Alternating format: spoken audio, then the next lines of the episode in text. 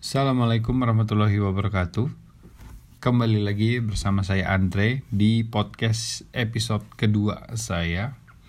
Jadi di episode kali ini saya ingin ngebahas tentang bagaimana cara saya berbicara di pilot episode atau episode pertama.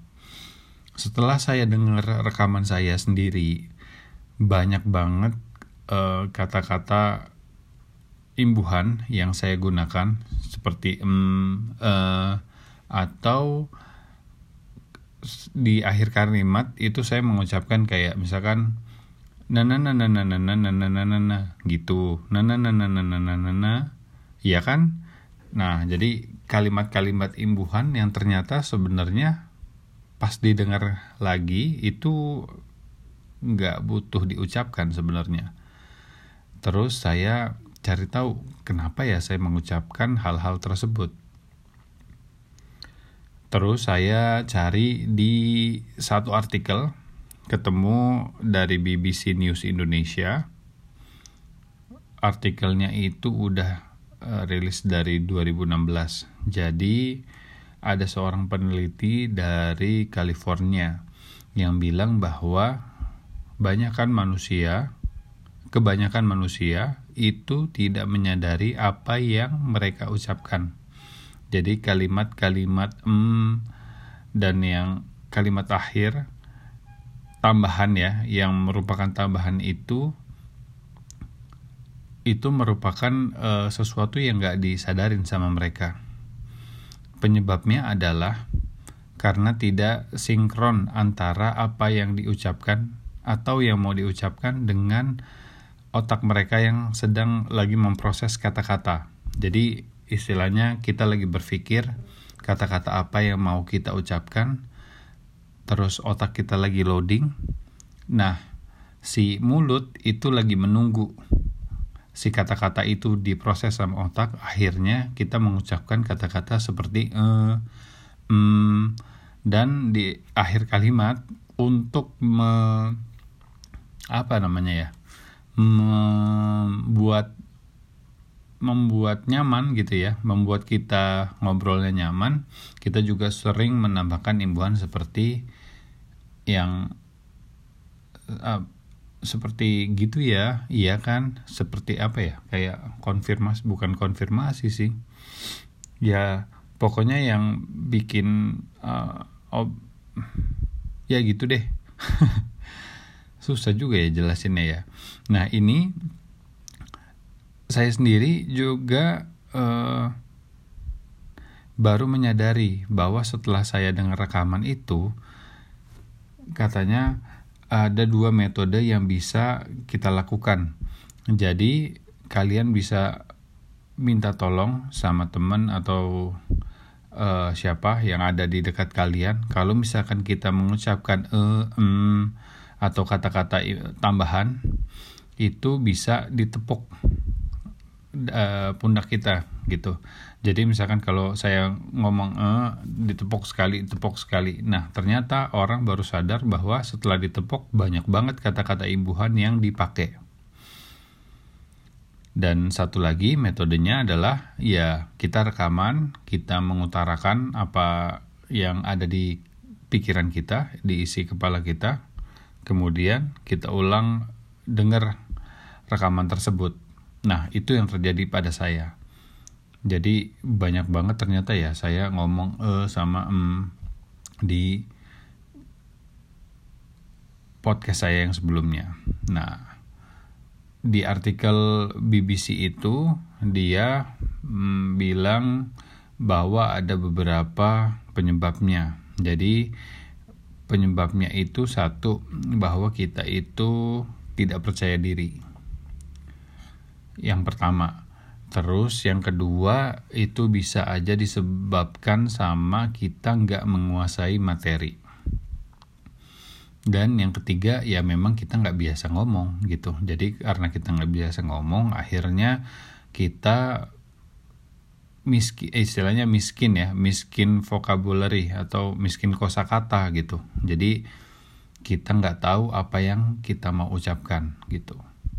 Nah ini ternyata benar banget dan terjadi sama saya. Karena saya ini orangnya pendiam saya nggak suka ngomong. Begitu saya ngomong itu sering banget misalkan ngomong ke istri gitu ya mah gini gini gini gini. Um, apa ya? I, ini mah maksudnya kamu udah ini ini ini belum? Hah? Terus istri saya bingung. Ini ini ini tuh apa? Jadi banyak kalimat-kalimat um, yang nggak apa ya nggak sempurna gitu keluar dari mulut saya karena saya nggak tahu untuk uh, kata-katanya tuh kayak nggak ketemu gitu kosa katanya terus istri saya juga suka kayak gitu sebenarnya. Dan ternyata ya nggak cuma kita berdua banyak orang yang seperti itu sebenarnya. Nah satu hal yang saya sadari satu hal yang saya sadari bahwa kita ternyata bisa melatih ini. Jadi bagaimana cara melatihnya? Yang pertama kalau kita misalkan presentasi atau mau mengutarakan sesuatu biasanya kan kita kayak kayak tugas kuliah gitu. Kita kan persiapan dulu bikin powerpointnya bikin materinya bikin apa yang kita mau ucapkan gitu kan e, poin-poinnya. Nah itu ternyata bisa membantu kita untuk lancar berbicara dan lebih ya lebih luas lah karena kita menguasai materi. Jadi udah ada kerangka apa yang kita ingin bicarakan Nah sebenarnya teknik ini juga ternyata dipakai kayak misalkan di film atau di ya youtuber deh. Ternyata mereka itu bikin skrip dulu gitu. Jadi saya pernah nonton uh, mereka bikin skrip. Kenapa? Karena mereka nggak mau ada pengulangan pengulangan uh, materi yang dibahas. Misalkan bahas mobil gitu. Misalkan bahas interiornya dia nggak mau sampai di dalam satu video itu ada dua kali ngebahas tentang si interior itu misalkan kayak gitu. Dan bikin durasinya jadi lebih lama. Itu yang pertama. Yang kedua ya kalau menurut artikel yang dari BBC Indonesia yang saya baca kita harus coba menerapkan jeda atau pause selama 1 sampai 2 detik. Jadi kalau kalian mungkin sadar di podcast ini saya coba lagi latihan dari tadi mengurangi kata-kata eng, eng gitu sama nah coba diem 1 sampai 2 detik dulu. Kenapa? Karena itu akan membantu otak kita mentransfer kosakata yang ingin kita sebutkan. Itu pertama. Dan yang kedua, ternyata ada juga benefitnya untuk si pendengar atau audiensnya. Yaitu dengan kita menjeda pembicaraan kita selama 1 sampai 2 detik itu bisa membuat informasinya lebih mudah dicerna. Gitu ternyata benefitnya bukan cuma buat si pembicara tetapi juga untuk pendengar. Nah itu saya baru tahu tuh. Nah dan terakhir yang ketiga adalah solusinya katanya sih latihan. Jadi semakin sering kita ngomong semakin sering kita berbicara itu kita eh kita itu bisa lebih siap untuk walaupun tanpa ada materi yang dipersiapkan terlebih dahulu kemudian uh, walaupun dadakan gitu ya. Jadi kita bisa lebih siap untuk mengutarakan apa yang kita pikirkan dan jatuhnya ke publik eh ke audiens itu lebih enak gitu. Nah ini podcast kedua ini memang saya akan dengar lagi bagaimana suara saya terdengar di telinga saya sendiri ya harapannya sih ke depannya lebih banyak podcast yang saya buat lebih uh, lebih apa namanya lebih natural gitu flownya ngomongnya gitu.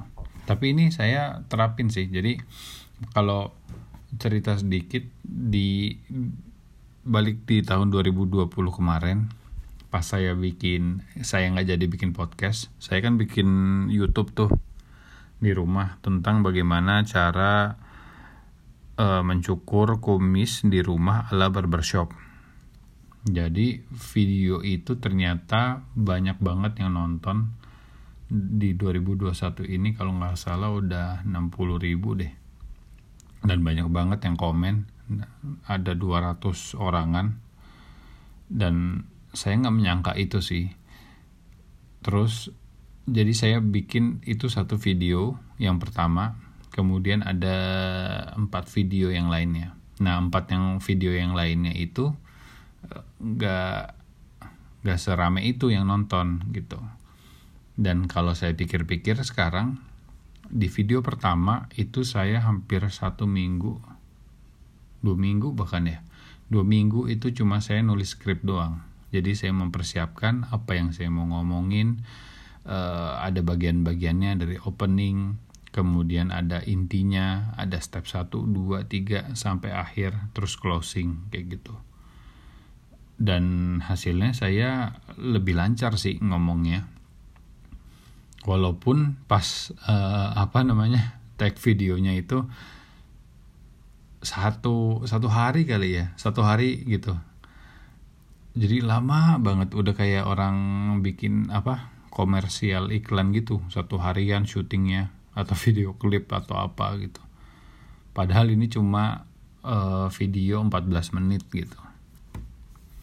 Itu yang pertama. Terus uh, jadi dengan skrip itu kita bisa membuat uh, ucapan sama presentasi kita itu lebih lancar ternyata.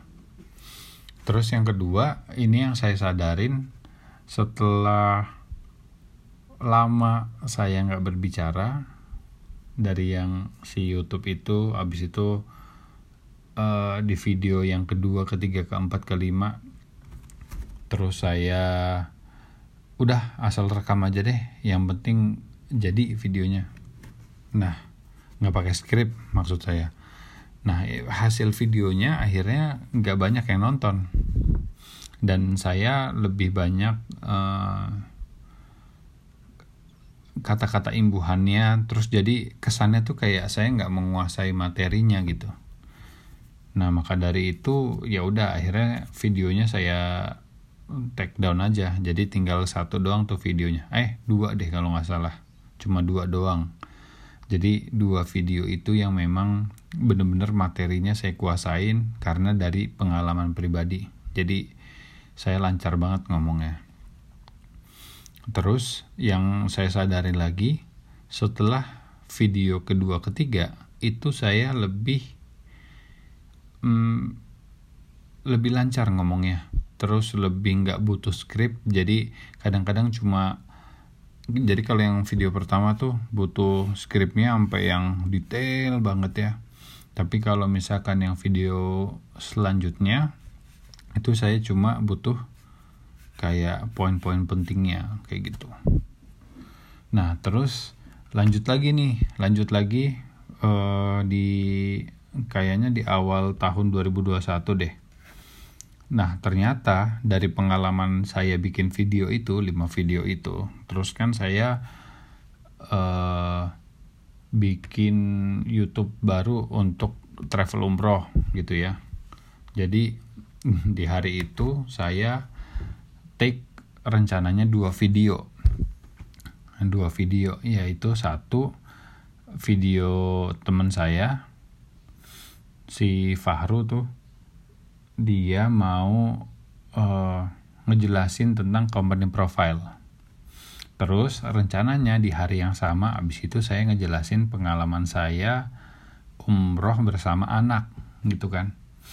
Nah, si si siapa namanya? Faru yang teman saya itu ya dia satu harian itu benar-benar satu harian take cuma buat video berapa ya paling nggak nyampe 5 menit deh.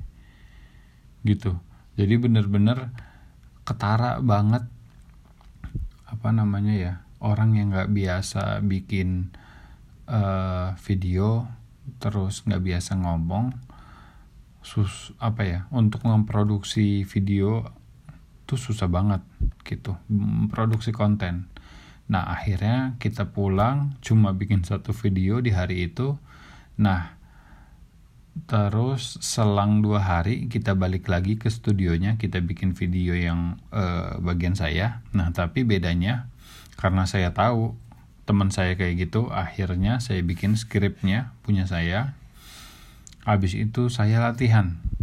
Jadi walaupun kita bikin skrip nih udah bikin skrip bagus apa segala macam udah tahu kita mau ngomong apa begitu kita lafalin kita ngomong itu belibet juga loh ternyata sangat-sangat belibet. Terus pas uh, akhirnya bagaimana tuh saya ngakalinnya? Akhirnya saya ngomong di mobil tuh sampai lima kali. Jadi misalkan dari dari satu skrip itu dari A sampai Z itu saya ulang sampai lima kali. Gitu.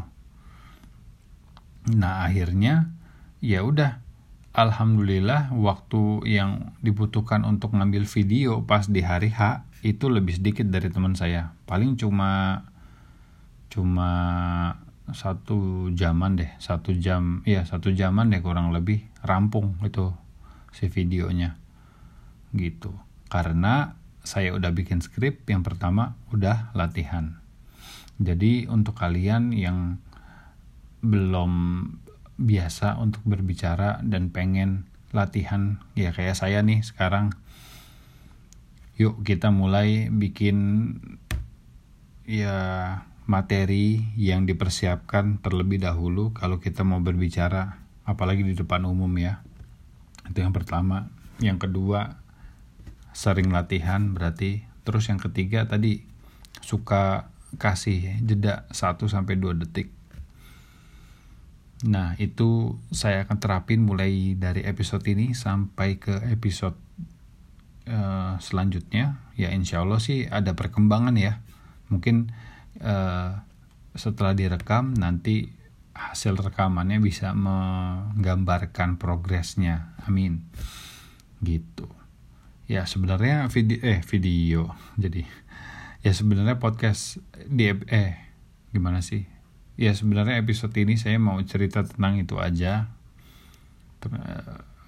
Bagaimana kita cara eh bagaimana caranya kita berbicara lebih baik? Tuh itu aja saya masih salah-salah. Ya insya Allah makin akan bagus ke depannya. Sekian dulu. Jangan lupa untuk tetap bersyukur dalam segala keadaan apa pun. Dan sampai jumpa di video eh video. Sampai jumpa di episode berikutnya. Assalamualaikum warahmatullahi wabarakatuh